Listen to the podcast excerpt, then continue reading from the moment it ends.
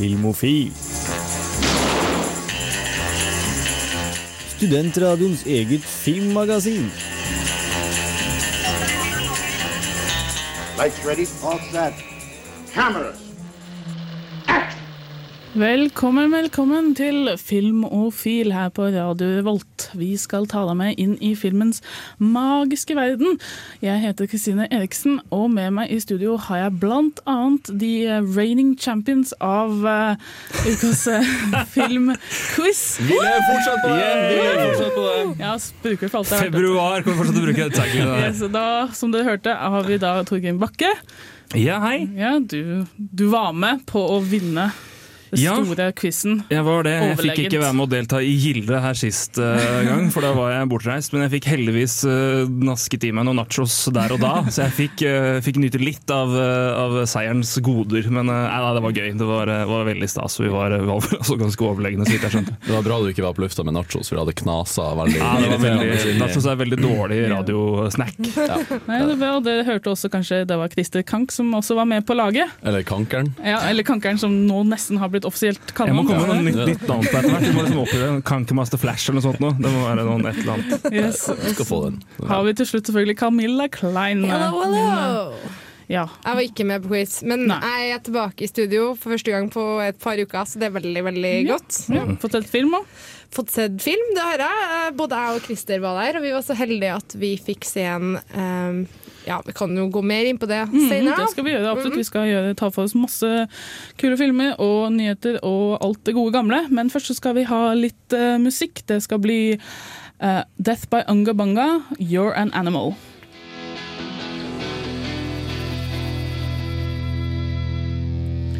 Unga bunga! Der rakka vi ut til uh, You're an Animal by Death by Unga Bunga. Ja, det er et godt forsøk. Vi skal ha eh, filmnyheter. Filmofil gir deg nyhender fra filmen og fjernsynets i spanende verden. Ja, og da slenger jeg den over til Torgrim først. Ja, Hva har du å gi oss i filmens nyheter? det jeg har er eh, jeg har, Det er mange som venter på Antman. Ant-Man. Må vente lenge, men den skal jo komme sommeren 2015.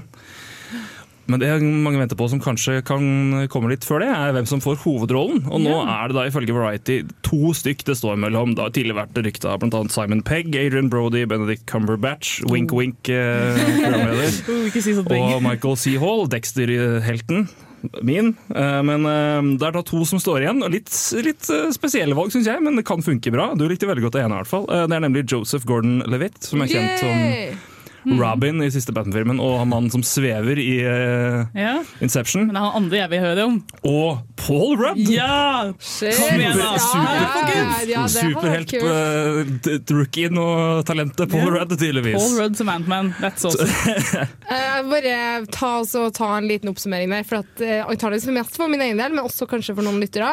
Uh, Ant-Man, Marvel. Ja. Ja. Og det er eh, historien om Eh. mannen som kan bli stor og liten som en maur, var det det? Ja, kan bli større enn et menneske, da, selvfølgelig. Så også Ja. liten, ja. Alle størrelser. Ok. Ja, Og det er det er derfor, er det er ikke noe, han er ikke noe anti. Nei, altså, det er ikke noe, han går ikke rundt med, med sånne altså, Nei, han Jeg tror ikke liksom åpningsspørsmålet er sånn Hvor god maur er du? Jeg tror ikke vi er der. Liksom. Er, du, er han anti nok? Nei, det går bra. Men, nei, men det som, eh, begge er da i samtaler med regissør Edgar Wright, ifølge da Variety. Og manus skal være ferdig, og premieren er satt til 31. juli 2015, som er like etter Avengers Age of Ultron. Og det snakkes om at Ant-Man skal ha en liten, liten visitt inn der. Ja, Det blir mye. For å være, for å være som da, pit, for å tisse. Det, det snakkes om i hvert fall, så det er ryktene som går. Men eh, to stykker det står mellom da, så da blir det enten en, en ung kjekk mann eller en litt klein kar på rundt 40-åra. Ja, vi satser på Paul, Satser Paul Rudd. Ja, Paul Rudd. Ja, Slap in the ja, enig. Mm. Kankeren, Yeah! hva har du å gi oss? Jeg følger opp eh, nyheter av det fra forrige gang. Ja, Gammelt nytt, nytt nytt. Ja, oppdatering. Ny fasong. Ja, oppdatering. Jeg sa jo sist hvordan eh, Dread Pirate Roberts, Ja. eh, aliaset til Ross William Olbricht, har blitt arrestert for å ha drevet verdens største online markedsplass for eh, doptransaksjoner, nemlig The Silk Road. Uh, nyheten har tatt en ny form, den skal bli film. ja selvfølgelig. Det var jo, nå er jeg kom full circle her, altså. Ja, det er ennå ikke full circle, vi venter med å se filmen. eh, Men Det er han eh, Dennis Lehane som eh, har begynt å jobbe med manusutarbeidinga. Mm. Uh, så det er veldig på som begynnerstadie. Uh, en uke noen regissør, en uke noen skuespiller, ingenting. Det er liksom manusutarbeiడింga. Um, eh, han Dennis Lehane har, Vi har sett en film fra han før, som han har skrevet. en uh, roman til, nemlig 'Mystic River'. Mm. Så han er jo flink til å mate ut spennende og dype plott. Ja, ja, Oscar i Hollywood, så 2003, blir var det det ikke det? Jo, det var Jo, sånn, i ja. hvert fall beste vanlige hovedrolle, tror. Mm. Ja, nei, kjenner vi Hollywood, så blir det nok uh, film av noe såpass. Ja, Camilla, du, vi, har sånn, vi har fått vår nye Twilight, og det Ja. er selvfølgelig Fifty Shades of Grey. Ja, og det har skjedd noe der. Ja, altså det var jo snakk om at Charlie Hunnam, eh, aka eh, eh, Jax fra Sons of Anarchy. Sons- Sons of Anarchy og også Pacific Rim, Mhm. eh, som jeg er veldig begeistra for. Han skulle da spille eh, Grey i eh, Fifty Shades of Grey, men Hmm. Dun, dun, nå. Ja, nå har han tydeligvis gått fra det prosjektet der. Ja. Og det er noe jeg syns er veldig trist. Det er nok en del Fifty Shades of Grey-fans som kanskje syns det ikke er så trist. For han Ja. var ikke noe spesielt populær for den i der det i hele det hele tatt. Sånn at uh, det er litt sånn forskjellige historier om hvorfor han har gått fra det her prosjektet. Det ene er liksom Hunnam's too busy, og så er det right. Og så er det He at He read the script, let's just say it. og så er det også Got Cold Feet. Og så er det da snakk om at han ikke fikk uh, påvirke rollen så mye som han hadde ønska. At det ble noen uoverstemmelser med regissøren. Det var du som snakka om det, ikke Kristina? Jo, det stemmer. det. Det Noen rykter om at han eh, ga masse notater på scriptet, Mm. og så eh, passet det ikke helt. Det kan jo hende han er litt redd for å gå i en Robert Pattinson-fella også. For Ja, ja, det tror jeg jo. en ja, Det- cautionary tale. Det er dårlig move for han, det må jeg bare ærlig innrømme. Men det siste jeg hørte, det var at Alexander Skarsgård var den nye som var sett nei, ut for ikke å ta si over. det! Det ble verre. Faen. Shit. nei, uff, la oss ikke håpe for det. Ja, det var eh, første nyhetsrunden. Vi skal komme tilbake med enda flere ferske nyheter fra filmverdenen, men først skal vi høre på enda litt mer musikk. Vi skal høre på Dent May, Let Them Talk. Det var Dent May med Let Them Talk her på Filmofil på Radio Revolt. Vi skal ha flere filmnyheter. Filmofil gir deg nyhender fra filmen og fjernsynets i spanende verden. Og da begynner vi på samme runde, kanskje? Hvis du har lyst? Ja, skal jeg kjøre i gang? Ja. Ja, Vi kan jo prate litt om uh, Gravity, denne filmen med Sandra Ja. Bullock og George Den Clooney, som eh, vi alle vel gleder oss til veldig å se. Uh, dette dramaet der ute hvor det ikke er noe luft, hvor det ikke er noen ting, bare tomhet. Nobody can hear you Nobody can hear you scream. scream, for å stjele fra en annen kjent film der ute. Men den har gått inn i sin uke nummer to på markedet i USA, og har altså skuffa inn så mye penger at det omtrent kunne hjelpe i samtlige land i Afrika, tror jeg. Men det, er helt, det har altså i løpet av to uker tjent inn 122,5 millioner dollar. Weekend 2 grossed eh, money var 43,2 millioner dollar, og den eh, leder omtrent med dobbelt så mye foran på altså Weekend Box Office nå, eh, sist. Eh, 44, unnskyld, 44 millioner på Gravity.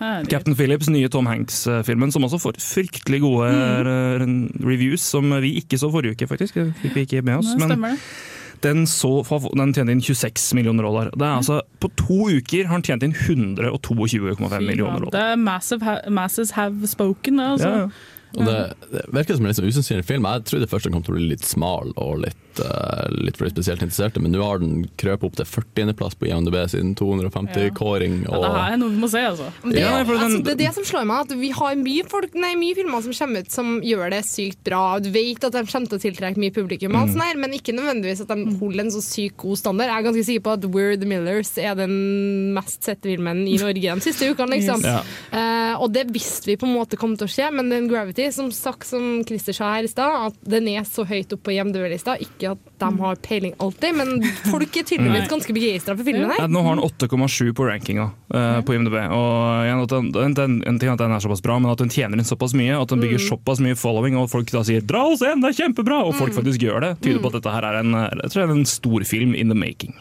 Da ser vi oss frem til den. Christer, du hadde noe om eh, en annen veldig god film.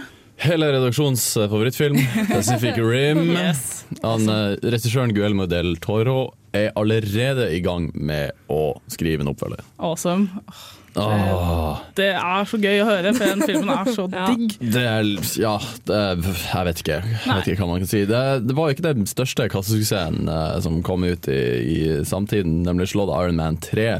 Det er ikke så rart, da. Nei, det er ikke så rart, men den eh, tjente såpass mye, eh, de her kaijuene worldwide, at eh, de hadde bestemt seg for å bare headlight prosjektet. Så vi gleder oss sykt! Ja, det gjør vi alle. Ja. Ja, og da har jeg med en liten nyhet, sånn, eller ganske stor nyhet for de som er interessert i det. Det er en Dr. Ho-nyhet. Ja, Ho! det er det. Og det er eh, en Det er sånn, eh, det er sånn bestemødre sier det. Så det er eh, en, det at de har funnet 100 nye, eller unnskyld, 100 gamle episoder har blitt funnet på nytt. Episoder av Dr. Ho? Ja, episoder av Dr. Ho. Eh, Nedi av alle steder Nigeria. Eh, og Veldig, veldig, de her 100 gamle Ja. episodene har blitt funnet i Nigeria. Sivilisasjonskrybbe. Det er skikkelig Raiders of the Last Det er- Ark-shit. Det, det har det seg sånn at på 70-tallet så greide BBC å, og, og, slette mange av episodene til Dr. Who.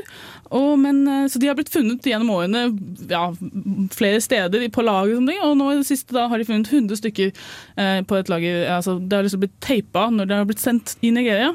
Og nå har allerede ni av de episodene eh, kommet på iTunes, så, så du kan se for første gang på ganske så lang tid.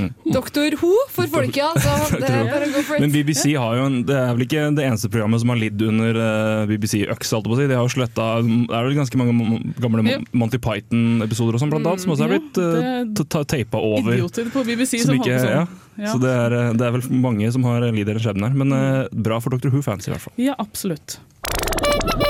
Ja, og det var alt av nyheter eh, for denne ukas eh, Filmofile. Vi skal etter hvert gå videre til eh, ukas filmpremiere, men først skal vi ha litt musikk, og da skal vi høre på Bill Callahan, som, skal, som har The Sing, her Filmofil på Radio Revolt.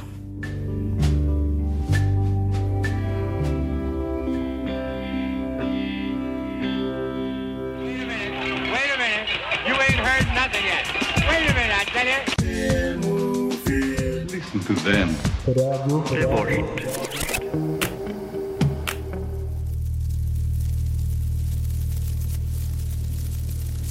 Ja, det var Paper Trails av Darkside, og før det hørte du Bill Callahan med The Sing. Her på Filmofil skal det bli eh, filmpremierer, og da om eh, tusen ganger god natt. Why did you start taking pictures of war? Anger. Are you still angry? Oh, yes. You grow, you run. Get on a plane. Go to some godforsaken place. You come home. We're happy. But all the time you're just waiting for that next shot. Ja, og det var altså en liten kort smakebit fra traileren, og det er altså Camilla og Christer som har sett denne filmen her. Hva er det den handler om, eh, Camilla? Ja, OK, da tar jeg ordet først. da. Jeg valgte en Ja. at random. Eh, det handler om eh, eh, Rebekka, som blir spilt av noe jeg er utrolig dårlig på uttalen her. Av eh, Juliette eh, Binochet, er det ikke det? Takk skal du ha. Eh, som er en veldig anerkjent skuespiller. Det er jo veldig gøy at vi får en norsk film med såpass kjente, internasjonalt kjente skuespillere. Da har vi hun i hovedrollen, og så er det Nicolai Coster Valdø som yes. eh, spiller hennes Altså, Erik Poppe gjør et poeng ut av at han ikke er bifiguren, egentlig. Det spilles av hennes datter. Men i utgangspunktet så handler den om hun Rebekka, som spilles av Juliette. Og hun er da en krigsfotograf. Um, Basert på en ekte person eller en fiktiv? Nei, det er fiktivt. Okay. Men Ja, det her kan nevnes. Det er artig, artig at du spør. Eh, jeg og Camilla var jo så heldige at vi, ja, at vi var på en eh, ganske eksklusiv eh, premierevisning for studenter ved NTNU. Der regissør Erik Poppe var til stede og holdt et foredrag, en Q&A på slutten av visninga. Og jeg hadde tenkt å spørre om det var basert på en virkelig person, men før jeg fikk svart, spurt, så klarte han å på en måte introdusere konseptet som at Rebekka var basert primært på han sjøl, faktisk. Eh, svært selvbiografisk film der han utforska på en måte Han har jo selvfølgelig ikke vært i striden og tatt bilder, men det er ikke det, på en måte. Jo, han har det. Det er akkurat Har det. Jeg, tok og lest, jeg leste meg på det her. Og Erik Poppe var før han ble en filmskaper, så var han eh, fotograf. Han var utdanna ved Fotografisk institutt eller et eller annet sånt.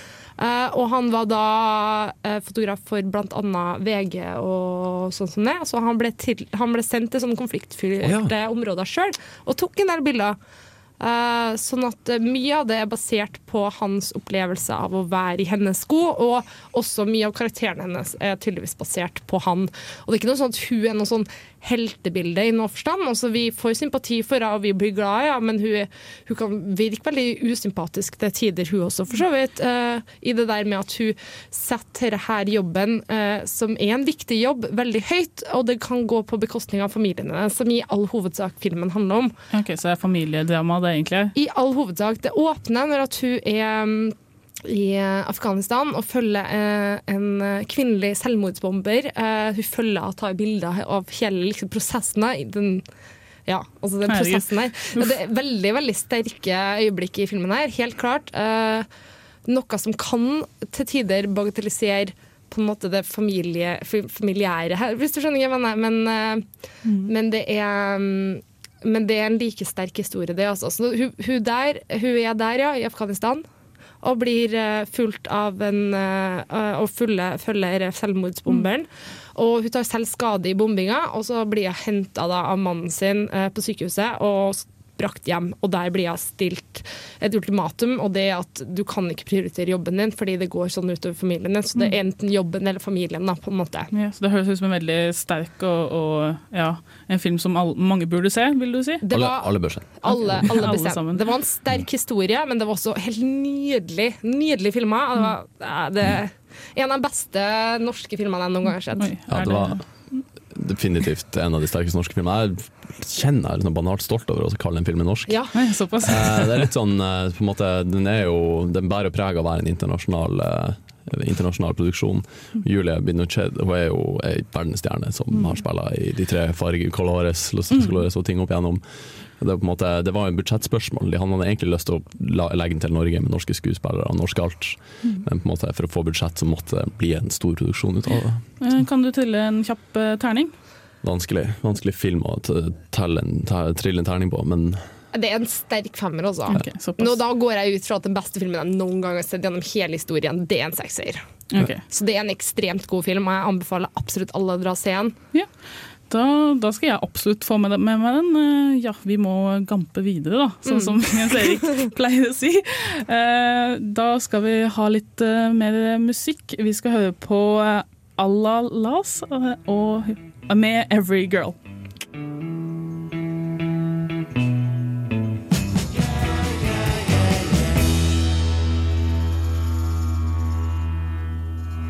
Ja, der hørte du 'Evergale' av eh, Allah Las. Og eh, nå skal vi til enda en filmpremiere denne uken, og det er eh, filmen Runner Runner, som det er du, Torgeir, som har sett. Torgeir, unnskyld, som har sett. Det har jeg, og jeg vil jo bare si at den på ingen måte er verdig å, følge opp en anmeldelse av 'Tusen ganger god natt'. nei.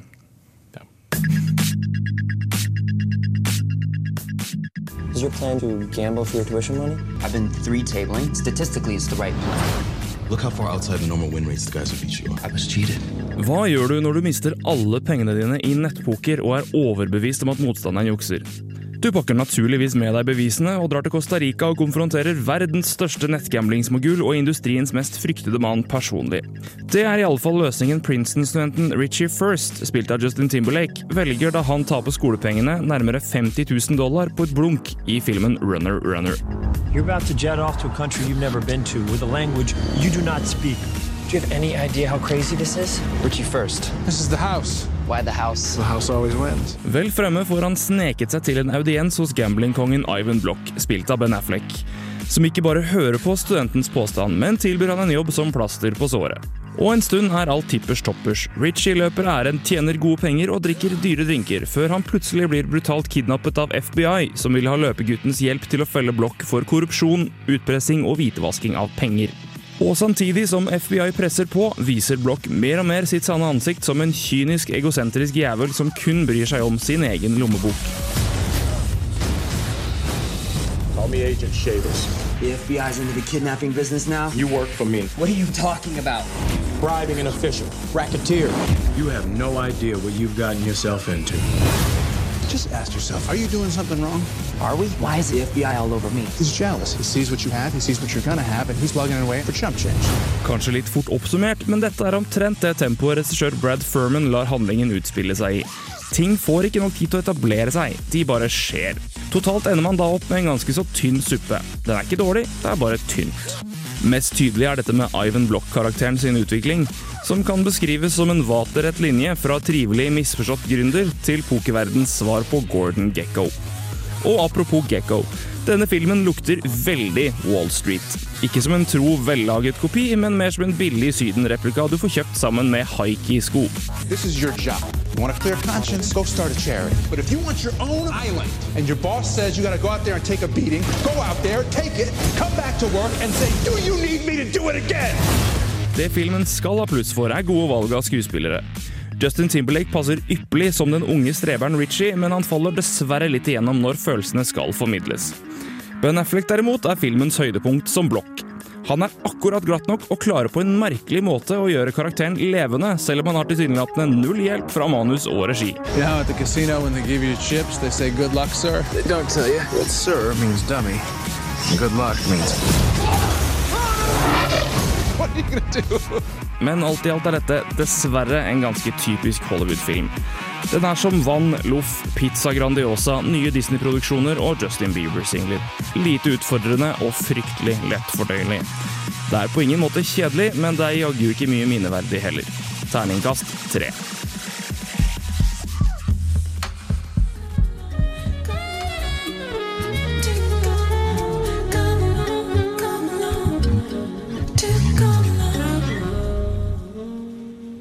Velkommen tilbake til Filmofil. Der hørte du Blood Orange med Chama Kay. Og før det hørte du på Tore Grim sin anmeldelse av Runner Runner. Og det her var ganske så tynt, ifølge deg. Ja, det var det, altså. Jeg satt liksom med følelsen av at det her var eh, det var så uferdig. Det var liksom ikke noe som på en måte provoserte fram det som skjedde. Det bare var der. Og det var akkurat som om noen hadde sagt du, jeg har en idé, her er liksom grunnplanet for en film. Mm. Uh, han skjer det, og så skjer det, og så skjer det, og så skjer det, og så ender det med det. Flott! Gå lag den! Å, jeg sa ikke noe. Nei, nei, bare lag den. Det er bare ring til skuespillere og sånn. Gjør det. Og første utkast, liksom. Ja, det, det, var, det, var liksom, det var noe der, men det var liksom ikke utarbeida, følte jeg. Det var så, det var veldig, altså Både filmen og jeg fikk også inntrykk av prosessen før har vært veldig forhas- forhasta. Um, den redder seg på egentlig at de som da driver filmen, som er Justin Timberlake og Ben Affleck, som er de karakterene som egentlig har noe rolle, syns jeg, i filmen her, eh, faktisk gjør en ganske bra jobb.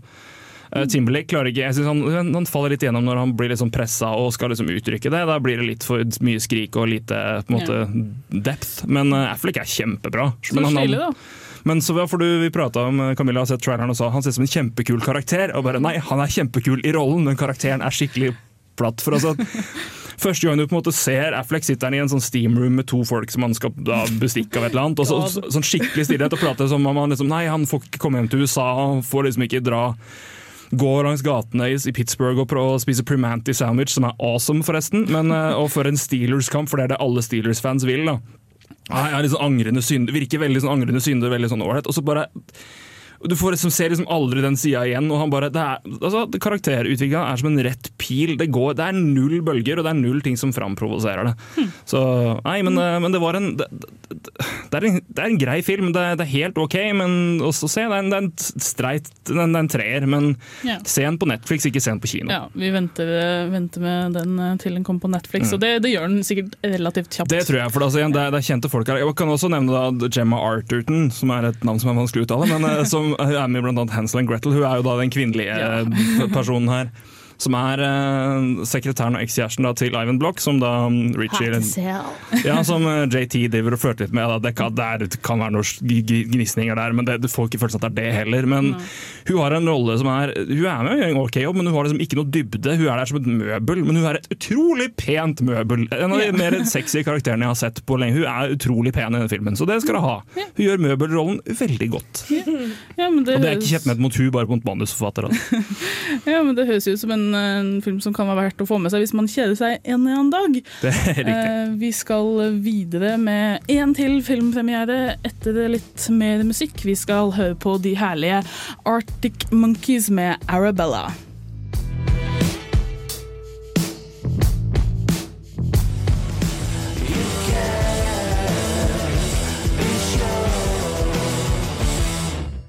Da er vi tilbake i Filmofil, og og du hørte selvfølgelig Arctic Monkeys med Arabella. Og eh, før det så snakket vi om Runner Runner, men nå skal vi snakke om eh, Først skal vi høre på min anmeldelse av The World's End. Ever had one of those nights that starts out like any other, but ends up being the best night of your life? I did. Our goal that night was simple 12 pubs, 12 pints, from the first post to the world's end. Simon Pegg og Edgar Wright drar med seg Nick Frost på en siste pubrunde med filmen The World's End. Den siste i den såkalte Cornetto-trilogien, som består for øvrig av Shaun of the Dead og Hot Fuzz. The World's End er en pub i den typiske småbyen Newton Haven, der guttegjengen til Simon Pegg sin karakter, Gary King, vokste opp. Etter siste skoledag prøver de seg på en siste pubrunde, The Golden Mile, med tolv puber, den siste da The World's End. Men de rekker aldri frem, så et par tiår senere drar Gary King med seg gjengen på et siste forsøk. I saw the boys the other day. We're going to go back to Newton Haven. Why? Five guys, 12 pubs, 50 pints. 60 points. Steady on, you alky. This is our chance to finally finish what we started. We are going to do the Golden Mile, and this time We are going to see it through to the bitter end. Or lager end. Ideen om å dra til en pub i stressende situasjoner er selvfølgelig ikke noe nytt i Cornetto-trilogien, og filmen treffer mange av de samme notene. Stilistisk er den veldig lik, med den samme hektisk-komediske rytmen i klippingen. Hvis du er glad i de to første filmene, så frykt ikke for noe stort brudd med denne. Det samme gjelder til en viss grad karakterene. De fleste har den samme loser-tendensen, men det er markante forskjeller. Nick Frost er denne gangen den mer seriøse, og Simon Pegg er ganske så mye mer patetisk enn i Shaun of the Dead. Når vi først møter han, er han faktisk direkte irriterende. De foregående filmene har alltid hatt en viss glorifisering av vanlige arbeidende karer som bare vil slappe av etter jobb uten noen større ambisjoner. The World's End tar et lite oppgjør med den evige barndommen og ser på de litt mørkere konsekvensene av nostalgi. Jeg ble ganske overrasket over hvor mørk disse temaene ble etter hvert. Men dette er en film fra de som greide å lage en zombie-komedie der protagonisten blir bedt om å skyte mora si i hodet. De har ikke mistet evnen til å snu humøret i en scene på kornet. Have you got any plans for dinner at all? Tonight, we will be partaking of a liquid repast as we wend our way up the Golden Mile, commencing with an inaugural tankard in the first post, then onto the old familiar, the famous cock, the cross hands, the good companions, the trusty servant, the two-headed dog, the mermaid, the beehive, the king's head, and the hole in the wall for a measure of the same, all before the last bittersweet pint in that most fateful terminus, the world's end. Leave a light on, good lady, for though we may return with a twinkle in our eyes, we will in truth be blind. Drunk. Simon Pegg og Nick Frost er bestevenner i virkeligheten, og det overføres som alltid sømløst til skjermen. Resten av vennegjengen er alle ganske morsomme, spesielt da Martin Freeman. De er ikke like morsomme som sidekickene i Shaun of Dead. Det er gøyalt at kjærlighetshistorien ikke omhandler Simon Pegg sin karakter denne gangen, men da mister den samtidig litt av sin vekt. Så må det sies noe om antagonisten. Jeg tror det ligger et sted mellom Shaun of the Dead og Hot Fuzz. Vi får ingen superskurk i form av Timothy Dalton, men heller ingen lett forståelig trope som zombier. Jeg likte de egentlig ganske godt, og actionscenene er som alltid morsomme og bra koreograferte. The World's End er en veldig passende slutt på trilogien. Er du fan, kan du bare lene deg tilbake og nyte showet. Den er ikke bedre enn de andre, men jeg likte at den utforsker litt andre ting, og er det din type humor, er det mye å le av. Disse filmene viser oss hvordan losere ofte kan vinne fram i håpløse og latterlige scenarioer. Og hvis disse gutta klarer å komme seg til puben, ja, da er det håp for oss alle. Ternekast fem.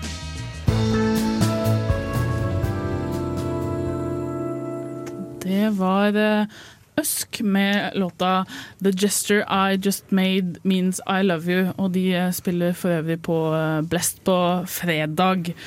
Uh, ja, så det blir gøy. 'Made Means I Love You', og de spiller for øvrig på Blest på fredag. Uh, ja, så det blir gøy. du hører på Filmofil her på Radio Revolt, og før låta så hørte du min anmeldelse av The World's End, eh, som jeg har anmeldt da. Og ja. Ja. Har dere noen spørsmål? Det et spørsmål? Det et spørsmål? Er det et spørsmål? Eh, det her er oppfølgeren til Hot Fuzz og Shaun of the Dead, Yes. som er henholdsvis uh, actionfylt uh, politikomedie og zombiefilm. Mhm. Hvordan kan en film om noen kompiser som tar fra bar til bar på en måte være sånn her verdig avslutning på den trilogien der? Jo, fordi det skjer noe som du Hvis du har sett trailerne, så vil du vite at det skjer noe. Eh, Så jeg, jeg ville rett og slett ikke spoile det, for jeg syns at filmen blir morsommere hvis du ikke veit noen ting. Men da vil jeg helst ikke vite det. Nei, jeg skal ikke si hva det er. Jeg skal bare Ja, si at, at det er helt sykt, og at det blir Jeg støtter deg veldig på det. så Det var Ja. veldig, veldig bra. For det, jeg, tenkte, jeg tenkte på, på det samme, at det må være et eller annet her som dukker opp, men jeg ville ikke spørre, for det, det er- det er kulere å ikke vite det. Ja, nettopp, og det visste ikke jeg, for jeg hadde unngått eh, de fleste trailere. Så når det, når det, liksom, det skjer denne overgangen sånn, sånn, sånn, sånn, i Shaun of the Dead, at han innser at det er zombie, så får du litt sånn nei, OK, det er, det, det er dit Ja. vi skal, ja. Ja, men kjør på. Så det, det er mye gøyere å ikke vite, rett og slett. Mm. Burde man ha sett de to foregående filmene for å se Nei, den? man trenger absolutt ikke ha sett dem. Eh, Men er det ikke noe- noe behov. Er det noe, jeg har sett begge to veldig veldig glad i Hot Fuzz. Den har jeg sett flere ganger. Jeg har sett Shaun of the Dead én gang. Men er det noe du på en måte kjenner igjen som går igjen fra de oh, ja. ja. Absolutt. Det er, altså utover at det er samme folka? Litt sånn type ja, ja, det er samme stil, sånn type klipping at det er sånn Mm. zoom, zoom, zoom, ikke sant? Og så skal de liksom, liksom ta frem våpnene eller sånne ting, og så, eller ta seg en øl, ikke sant? De tar den der kjappe zoom med Ja, ja. øl, flere øl etter hverandre. Det blir jo mye av selvfølgelig i den filmen her. Og så er det selvfølgelig at de er litt sånn losere, som ikke er helt happy med hvordan livet sitt er, og så liksom skjer dette her som binder vennskapet sammen igjen. Jeg synes, eh, Det som er litt artig med filmene her, er at uavhengig av hvor, hva som skjer i filmen, hvordan handlinga er, så har du den der stille britiske humoren, og hun har stille eh, britiske sånn klassisk mor som liksom spør om de vil ha en kopp te, liksom sånn der Ja, type ting. nettopp. Det er sånn som jeg Mm. setter veldig pris på. For at, Ja, og det, det er sånn, du har sånne, sånne filmer som Shaun of Dead Holfeld som foregår i sånne vanlige Ja. britiske Mm. småbyer hvor liksom ingenting av interesse vanligvis skjer, og så plutselig så skjer det noe. Mm. Hot Fuzz kunne i prinsippet fått vært en hijacking av Heartbeat. Det var liksom Ja, ikke sant? Det hadde vært herlig. Å, gud. Det var den der generasjonen etter Heartbeat. uh, Hva heter den der bygda her, noen som husker det? Eh, ah, nei. Aidensfield-generasjonen etter, som på en måte opprettholder den gamle, de gamle skikkene og tradisjonene. Og hvis det kommer noen her, så skal vi ta dem vekk. Det var, det var liksom, for det var så ekstremt britisk. Da. Det, og det var jo, gjorde det bare enda mer morsomt. Nettopp. Og du har for øvrig en serie som heter Suburban Shootout, som går ut på litt av det samme, bortsett fra da er alle husfuglene i byen mafiaer. Så det, Ah. det er veldig gøy. Den er veldig morsom. Den, burde, den finnes på YouTube, faktisk, så sjekk ut den. En snikserieanbefaling der, altså. Ja. Men eh, ja, som sagt, World's End. eh, Hvis du veit noen ting om Simon Pegg og gjengen, så se den. Og se den hvis du ikke vet det også, fordi det er jævla solid komedie, rett og slett. Eh, Ja.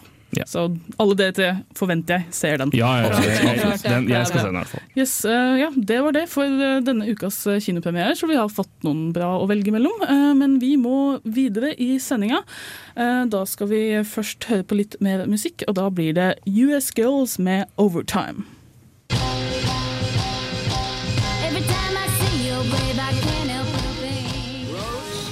Where we're going, we don't need roads. Du hører på Filmofil på Radio Revolt.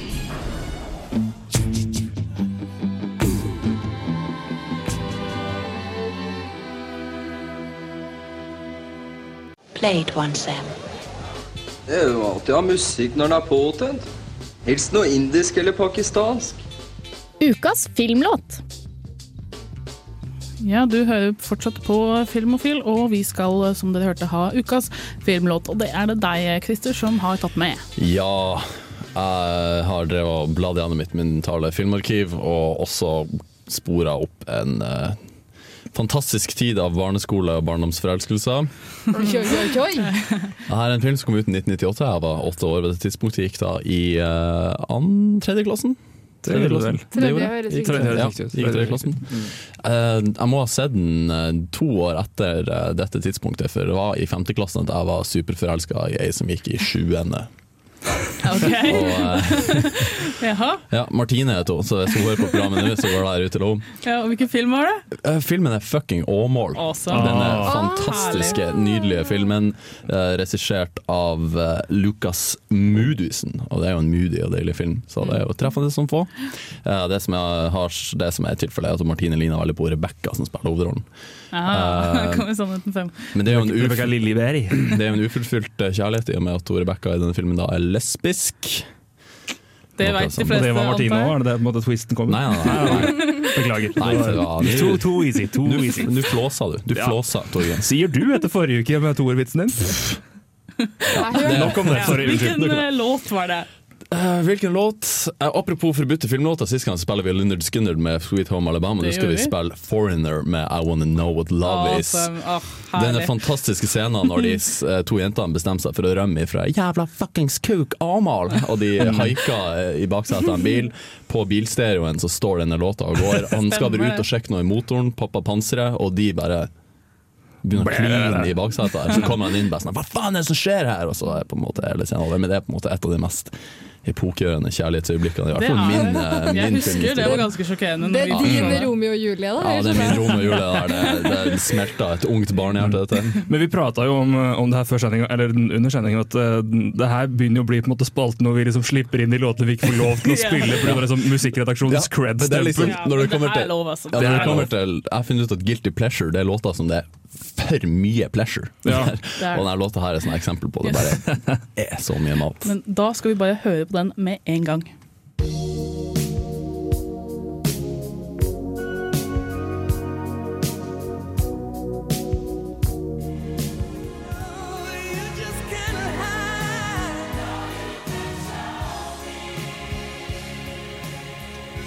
Det var 'Foreigner, I Want To Know What Love Is'. Og Oh, yeah. utrolig heldig at vi har ei stor vifte i studio, og at du, eh, Torgrim, har langt blondt hår som vi har retta mot. Du, du maler et vakkert bilde nå. Eh, ja. Herlig låt. Vi skal ha Videonytt. Nytt i videohylla. Rykende ferske digitalfilmer som du kan ha i din heim. Ja, og eh, Jeg kommer ikke over låta, jeg jeg sitter ennå og nynner på den. Vi skal ha eh, Videonytt. Og skal vi se litt i eh, DVD-hylla denne uka, så er det noen morsomme ting som kommer. Blant annet Ja, det jeg vil først ta opp, er Hot Fuzz cause, Nei, unnskyld. Hot Shots! Hot shots. Ja, nesten. Hot Shots. Jeg, En og det er to. masse hots eh, denne uka. Masse ja. Ja, for det er to uh, hotshots denne uka som kommer på DVD, og de er herlige. Hvis folk ikke har hørt eller sett disse her, så er det altså den første er parodi av um, av Top Gun, eh, Top? Gun med, med Charlie Sheen da han var herlig og ikke deprimerende. og, og den andre er parodi av Rambo, som jeg vil anta vil jeg si um, er bedre. Jeg tror toeren er faktisk Den heter Part 2, for å gjøre det ekstra, ekstra herlig. Og disse er, det her på den tiden da, da parodier og satire enda eksisterte i en ekte form, og ikke scary movies. Så det her er, det her er prima, Det prima 80-talls, det er det. Det er det. Jeg har, har dere sett dem? Ja. Mm, ja. Jeg har ikke faktisk, Jeg altså, to, faktisk. jeg sett to. What? Ja, men jeg er veldig lost på sånn 80s comedy. Det, har, det, har jeg, som- det er veldig mye der som jeg ikke har fått med meg. Det er veldig eh, airplane, hvis du har sett den. Ja, det veldig det, ja, sånn type humor. Ja, det nei, er altså, jo helt jeg, jeg, vet veldig åssen filmer det er, jeg har sett deler av det. Jeg har bare, det, det er liksom ikke de filmene jeg har bladd opp. Men jeg, jeg, jeg må jo se dem en gang. Jeg skal det. Det morsomste er jo selvfølgelig når den der føflekken hennes driver og fletter på seg hele tida. Jeg vet ikke hvorfor det er så hysterisk, men eh, det er det.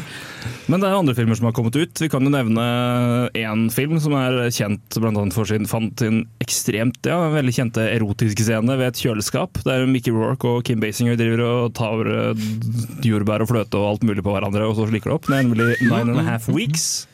Yay. ute på DVD eller Blu- Blu-ray hvis noen vil ha litt hjelp på, til kosen. Og ellers er det også bånd Ja, vi kan kalle det bånd eh, Jeg kan ikke kalle det en kopi, det er en Nei, det er en unauthorized Bond-film. Bond-film som nemlig de heter Aldri si aldri. Som er ute på Blu-ray. Og så var det en film som jeg ikke fikk med meg i sommer. Som jeg ut fra traileren mente måtte være en, en filmatisering av Sigurd Hols 'Synder i sommerskjol'. Men det tror jeg ikke det. Det er 'Å begrave en hund'. Den her eh, norske komedien med Øyvind Vogt. eh, Ikke sett den, faktisk. Ikke sett den heller. Jeg blir og tar en tur bortover i DVD-hylla sjøl denne uka og plukket med meg. For jeg tror, jeg tror den er søt. Jeg tror den er søt. Ellers så har Warner Bros kommet med ganske mye triple feature-filmer. Ja, der er, vi, der er vi kommet frem til nå. Og der har du tre ganger så mange filmer å snakke om egentlig, men altså dem som er viktige i hvert fall å få med seg her, er annet Kubrick triple feature, hvor du har The Shining, uh, Clockwork Orange og uh, 2000. 2001 Space Odyssey. Det her føler jeg at det er veldig viktig å, å nevne, for triple features det gir en bittere smak i munnen min. Du har på en måte, her har du også en triple feature med Training Day, The Unknown og Bloody, bloody Line. Altså masse sånn her, og, uh, Ja. Action, er det Happy, Feet, med- ja. Happy Feet 2, Yogi Bear. Litt sånn Ja, her, det det, er har ikke nødvendigvis så mye med hverandre å gjøre. Men det her Kubrick-bokssett, det er lov, Ja. syns jeg. Helt klart, det vil jeg Og- si. Og det skal vi snakke enda mer om uh, seinere. Men den andre boksen som jeg vil snakke om, Ja. det er Harrison Ford-boksen. For Ja. den, den er jeg litt skuffa over, for å være helt ærlig. Mm, For her helt enig. kunne det vært mye bedre. Det er altså Frantic, uh, The Fugitive, som jo er bra. Den er, Den er veldig den er kjempe- er veldig, veldig bra. Og Presumed Innocent, som er helt forglemmelig. Jeg har sett den og glemt den. Mhm. Så den, det her, altså, Hva skulle du valgt hvis du skulle lage en sånn boks til Harrison Ford? Da er det The Fugitive, ja. Men altså, Air in, Force in, One. Indie er på en måte borte, for der har du boks i seg sjøl. Air Force One ville jeg hatt der. Eh, er Blade Runner min Ja. all-time Blade Runner. Blade Ford Runner er også enig. Ja, og vi, vi antar at Indiana Jones og Star Wars kommer i sine egne bokser. Ja. Men da jeg, vil, jeg vil nevne i hvert fall én boks til, kanskje to. Eh, Det er nemlig at det har kommet Ikke at det har bare kommet masse singelfilmer fra James Dean, men det har kommet i en boks òg. Det står ikke hva som er i den boksen, men eh, det har kommet i en samleboks. Men det har også da kommet East Øst for Eden. Og eh, ja Jeg eh, tror faktisk East er med i bokssetten nå. Det tror det jeg. er veldig Det mye regner jeg sånn med. dobbeltutgivelse. Ja, det er my mange filmer å eh, snakke om, og det skal vi ungdom. gjøre, selvfølgelig. Eh, først skal vi ha litt mer musikk. Vi skal ha Elvis Costello and The Roots med låta 'Refused To Be Saved'. Du hører fortsatt på Filmofil her på Radio Revolt.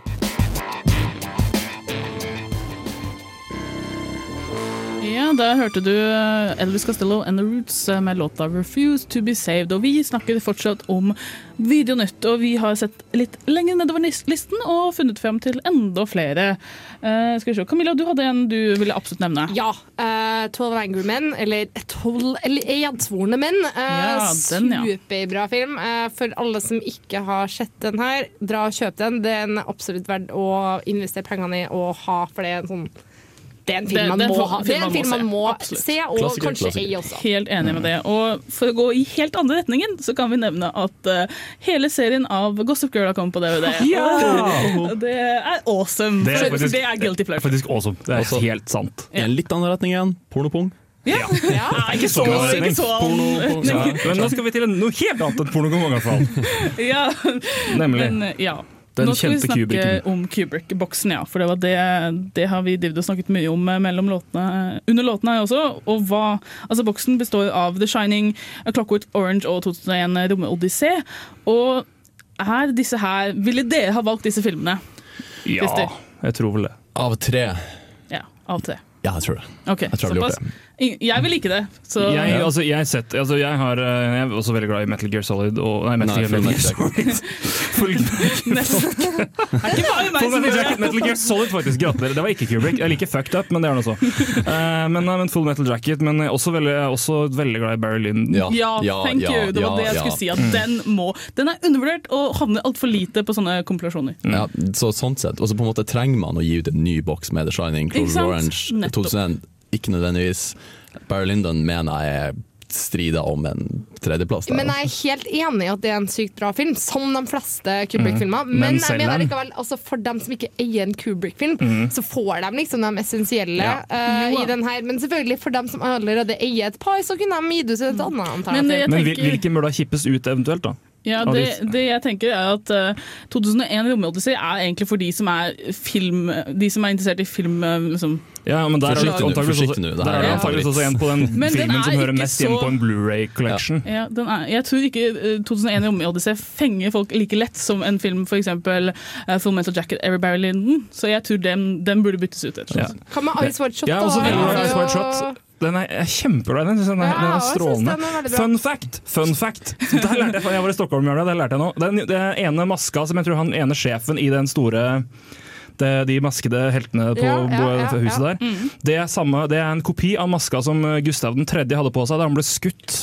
Ok, Svenskekongen Gustav var 3. fun fact. det. Ja, det var bra fun fact. Kan jeg få lov å komme med en sad fact? Ja. Sad, ja, det var jo. Trist fact, eller? Ja, Ok, takk. Uh, AI, Artificial Intelligence, den Stanley Kubrick, Den, nei, ja. ja, Ja. nei, Steven Spielberg-filmen skulle egentlig være en Kubrick-film, men han døde det før den var fullendt. Så det det kunne jo fort, eh, det kunne fort, ja, det kunne fort ha blitt det 2001 aldri ble, på en måte. Ja. liksom. Men det, det du ikke veit, er at alle hater den filmen I hvert fall pga. slutten, som er så skikkelig cheesy. Men det var Kubek som skrev den slutten, så, så vi veit ikke hva vi kunne få. Han ville, han ville jo lage en Steven Spielberg-film. Ja, for de to var gode venner, og de ville Mm. etterligne hverandre litt.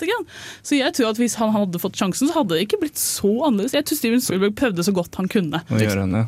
Men altså, han egentlig lager AI. Vil jeg også si at han også skulle lagd iRobot? Nei, unnskyld. Åh, okay. Ah, lame. Ja, ja. Men eh, da, vi kan i hvert fall si at eh, dette, er en, dette er en samling som de fleste burde få med seg hvis de ikke har fått med seg disse filmene før. før. Og det er selv, liksom, Du kan bytte ut noen, men eh, det er en god, god samling. Absolutt. Ja, så da går vi videre med det. Vi skal jo selvfølgelig ikke forlate dere uten litt mer diskurs om andre ting. for... men det tar vi selvfølgelig etter neste låt, og det skal vi høre på eh, Keep Shelly in Athens med låta Fly Away. Du hører fremdeles på Filmofil her på Radio Revolt.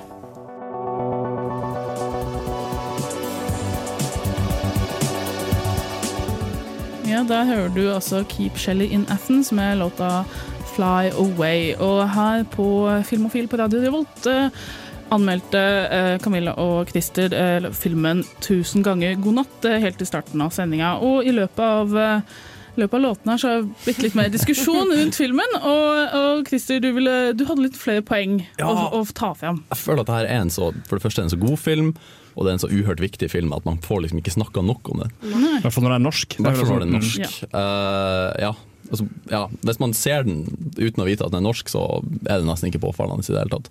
Men på en måte, den er, det er jo, De prater engelsk gjennom hele filmen, og alt sånt, men på en måte tematikken er norsk i den filmen. her. Vinklinga er norsk. Den er på en måte, den forteller en så stor historie på en så lavmælt og ettertrykkelig måte at den kunne nesten ikke vært laga noen annen plass i Norge. Og av noen annen regissør enn Erik Poppe. Hm, Fascinerende. Utrolig fascinerende. Eh, jeg leste Birger Vestmo sin anmeldelse av den, så uh, hvis du hører på nå, Birger, shout-out. Men uh, jeg er litt, sånn, jeg er litt uenig med måte han han, måte, han var veldig sånn stressa på det her med Han, han la veldig mye fokus på familieperspektivet og det krigsperspektivet. At det var sånn dynamikk mellom de to verdenene der. At det var på en måte det han, filmen handler om. Mm. Men jeg føler at det er forskjell på, på måte, motiv og tema i den filmen. der Okay. Um, jeg føler på en måte at en sånn ekstremt viktig som, som gikk igjen i filmen, var jo på en måte der, det var veldig viktig gjennomgående tema, familie kontra striden. Men jeg har lyst til å nevne hun, eh, hun Lauren, Lauren Kenny, som spiller dattera, eldstedattera Steff. Mm. Det er en av de sterkeste rollene jeg har sett på film de siste, de siste året. Oi. Og sjekka på IMDb, det er den første filmen hun spiller i, hvor han pappa har funnet han, det aner jeg ikke.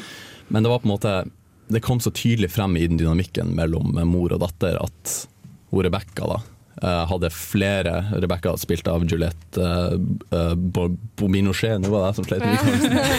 Men det var liksom der at hun hadde langt flere barn enn bare de to døtrene sine. Det var liksom Barna hennes var også de som var utsatt og ramma for strid. Ved et, ved et punkt så, så de et bilde av ei dame, jente i Kongo som var på, på alder med Steff, som hadde fått skåret av seg leppa og ører. Et reelt bilde. da. Eh, og det kom på en måte frem, og da begynte Steff å skjønne på en måte at mora har faktisk en forpliktelse utenfor hjemmet. da. Sterke bilder. Utrolig sterkt, og det er på en måte det Mats Austdal spiller jo en rolle eh, som er basert på Jeg husker ikke etternavnet, Rolf heter han. Godslig nordlending som jobber i uh, Røde Kors. Flyktninghjelpen, ja. Okay. Uh, og det er på en måte en reell Alt det som skjedde i Kakuma flyktningleir i, i Kenya, er veldig reelt basert på virkelige hendelser. Så jeg føler på en måte at man har et samfunnsansvar når det kommer overfor verdens urettferdighet, og en bra måte å starte, en bra ende å starte er faktisk å bare fære og se en film der, for du lærer så mye bra. Mm. Nei, er spørsmål, for jeg, jeg, jeg så altså, 'Usynlig' er jo den, den forrige filmen til Poppe, Mm. som var Mm. fantastisk bra. Altså, veldig visuelt sett nydelig film, men som også handla veldig mye om eh, på å si, si broken characters. At det var, altså, det var veldig mye, Du hadde mye sårhet i begge leirer, du følger forskjellige personer på, i, en forskjellig, i en sak fra forskjellige sider. da. Er det litt det her at det er veldig, altså, litt broken characters som dominerer her òg? Definitivt. Camilla nevnte jo det at på en måte du får ikke et sympatisk bilde av hovedpersonen, men et empatisk bilde. Det er et menneske som blir mala ut her. Mm. Så um, Ja, det er enda flere grunner til å se det. Det her, det her må, må Se den, se ses. den, se den. Må ses. Eh, Men vi må Der blir siste ordet på, på den filmen denne, denne uka. Vi skal videre med litt mer musikk, og det er altså Rytmeklubben med Men tok en Me. For et program i burra med både klasse og stil. Du hører på Filmofil.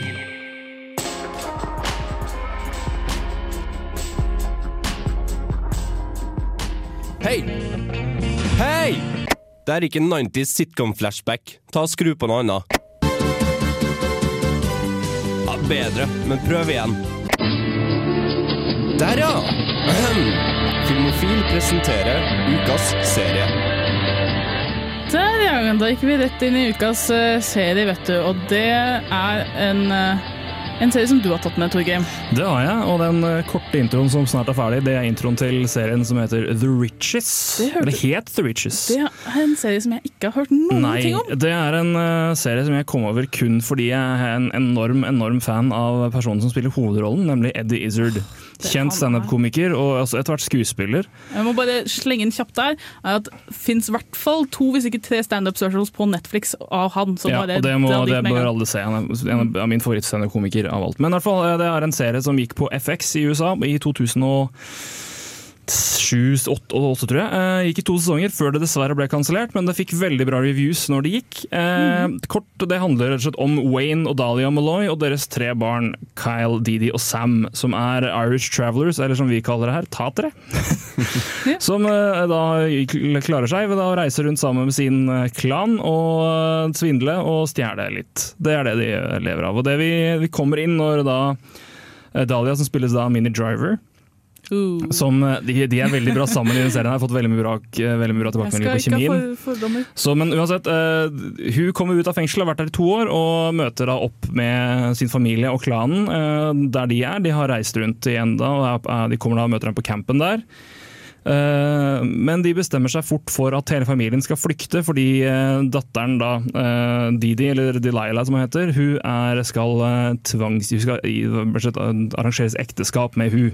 Ok. Så de velger da å rømme, og samtidig så velger da uh, Wayne, og, altså Eddie Izzard sin karakter, og da stjele selvfølgelig masse penger fra denne klanen Mm. før man stikker av. Og det er jo noe man som er veldig smart, nemlig å gjøre en haug med tater irritert på deg. um, som man vet gjennom filmen Snatch, blant annet. Ja, det gang. Men det, så det som da skjer, er at de, da, de stikker av med penger og blir etter hvert jaga. Av, da, av den en ene familien, da, som de er vel de som prøvde å, å arrangere ekteskap med dattera. Mm. Eh, hvor de eh, kjører bobil, selvfølgelig. Alle har jo bobil. Eh, hvor de ender opp i en, eh, familien Amaloy-familien ender opp i en, eh, en ulykke med en, eh, et par, et ve veldig velstående par. En dødsulykke hvor begge de dør, og det de finner ut av er at vi tar over livet deres. Ah, så det er identity theft? Så de er identity theft, og de tar altså da over til familien Riches, derfor navnet The Riches. Ah, okay. um, så de da kommer da og flytter inn i en sånn klassisk sånn vel, velstående suburban-område i Louisiana, noe som passer veldig veldig dårlig inn med da typen her. Men igjen, de er jo da con artists eller svindlere, så de prøver da å svindle seg inn der. Men det morsomme de og faker fake liksom, ja, Nei, men ja, nei, litt, men uh, de er veldig Det er veldig morsomt er at de har, veldig, de har ikke peiling på hva de gjør. Og, er, og Dwayne Malloy han handler, havner liksom i en sånn høytstående sånn rådgiverrolle i et stort firma til naboen. Hjelp, Og klarer liksom å, på en merkelig måte å gjøre ting riktig. Han aner ikke hva han driver med. Og for de som da kjenner Eddie Izzard, ja, det er akkurat så gøy som du tror når han ikke aner hva han driver med og bare improviserer. Det er en perfekt rolle for han i den situasjonen han er i. Og det er, eh, det er utrolig kul. Jeg har, jeg har kun fått sett sesong én, men eh, den, jeg har sett den for lenge siden. Jeg har aldri fått med sesong to av en eller annen merkelig grunn. Det vet jeg ikke helt hvorfor. Men det er en utrolig morsom, eh, veldig bra første sesong. Mm. Og Eddie Izzard er strålende. Så Det er, en, det er en kjempeartig serie, og er absolutt verdt å få med seg. Spesielt hvis man er fan av Eddie Izzard. Hvis du ikke vet hvem det er, så for guds skyld Ja. få med deg noe standup. Jeg anbefaler Dress gang. to Kill og Glorious, som Ja. er de to beste. Akkurat de to jeg skulle dra Dress to Kill fikk han for øvrig to Emmys for Ja. 1999. Det er kjempebra, så sjekk ut han. Etter å ha gjort det, sjekk ut The Riches. Ja. Det, det skal jeg absolutt gjøre, for jeg er som sagt enorm Deedles-fan, så jeg fatter ikke hvorfor jeg ikke har fått med meg serien. Mm. Har du peiling på om den ligger noen steder? Den skal ligge på Netflix, amerikansk Netflix, så vidt jeg skjønner på nett. så er, den der. Så for de som har, som har eh, vært smart nok til å fikse seg det, så er det mulig å finne det der. Ja, Hvis ikke så er det sikkert ikke så forbanna dyrt Nei. å kjøpe. Yes, det, det var da ukas eh, serieanbefaling. Eh, Vi skal, nå er det snart slutt, dessverre, så vi skal ha litt mer musikk før vi runder av. Og da skal vi høre på uh, Bun B med låta 'Fire'.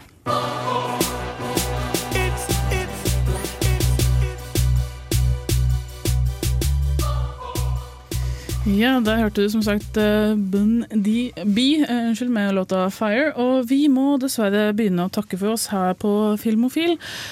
Vi kan ta en liten oppsummering. Vi har hatt gladnyheter for en del Pacific Rim-fans og Doctor Who-fans. Og vi har anmeldt ja, tre eh, filmer eh, denne uken, og da var den første 'Tusen ganger eh, god natt', eh, og den fikk en veldig sterk femmer. Ja, i hvert fall da også. òg. Jeg mener at det er en sånn uklassifiserbar film innenfor Det er terningkastsjangeren. lame og pretensiøst, da. Det er feigt, altså. Det er feigt, Smalt europeisk!